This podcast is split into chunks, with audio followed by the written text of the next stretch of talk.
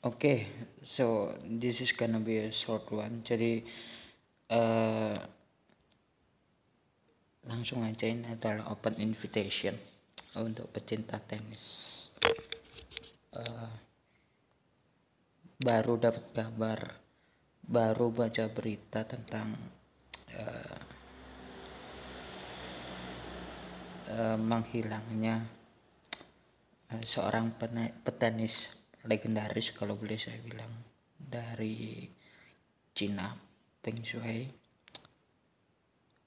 Uh, saat ini belum diketahui. Uh, aku belum tahu info detailnya seperti apa tapi I hope the next episode uh, kita akan dapat kronologi lengkapnya. Jadi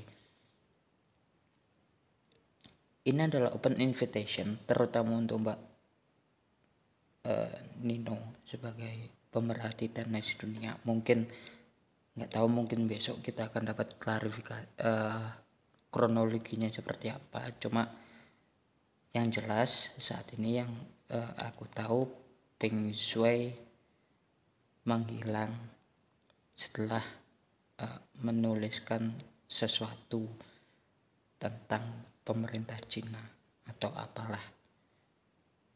Mulai menghilang sejak uh, dua atau tiga hari yang lalu.